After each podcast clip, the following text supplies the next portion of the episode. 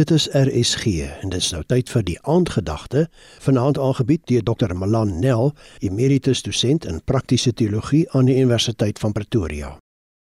My tema hierdie week is mos nou dat God se genade maak die lewe ryk. En dit is al baie waar.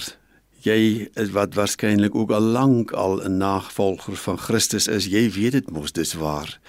Die feit dat God ons uit genade gered het sonder verdienste van ons kant maak die lewe ryk. 'n Mens is 'n vry mens as jy uit genade begine lewe. En nou vanaand die woord in Efesiërs 1 vers 6. Dis asof hy dit nou saamvat die eerste twee groot redes vir ons genadige vryheid. Daarom moet ons God prys vir sy groot genade wat hy in sy geliefde seun vryelik aan ons geskenk het sy guns wat hy soos iemand sê, sy guns wat hy goedgunstiglik aan ons bewys het. Daarom moet ons vir God prys. Dit is 'n ongelooflike gebed hierdie.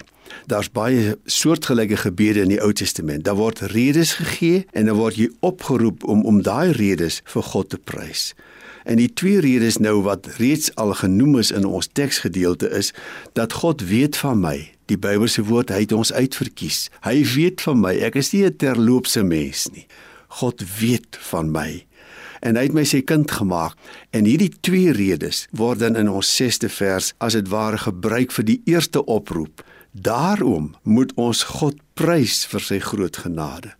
Ag, ek weet nie hoe jou aand lyk nie, maar maak daar iewers 'n tyd. Al is dit ook vanaand voor jy jou lig afsit om sommer net te sê: Here, ek prys U naam dat U vir my uit genade U kind gemaak het, dat U weet van my en dat Jesus Christus dit alles moontlik gemaak het. Kom ons sê sommer nou dankie daarvoor. Dankie Here dat U van ons weet. Dankie dat U ons U kinders gemaak het vir altyd. Ons prys U naam. U is vir ons goed. Amen.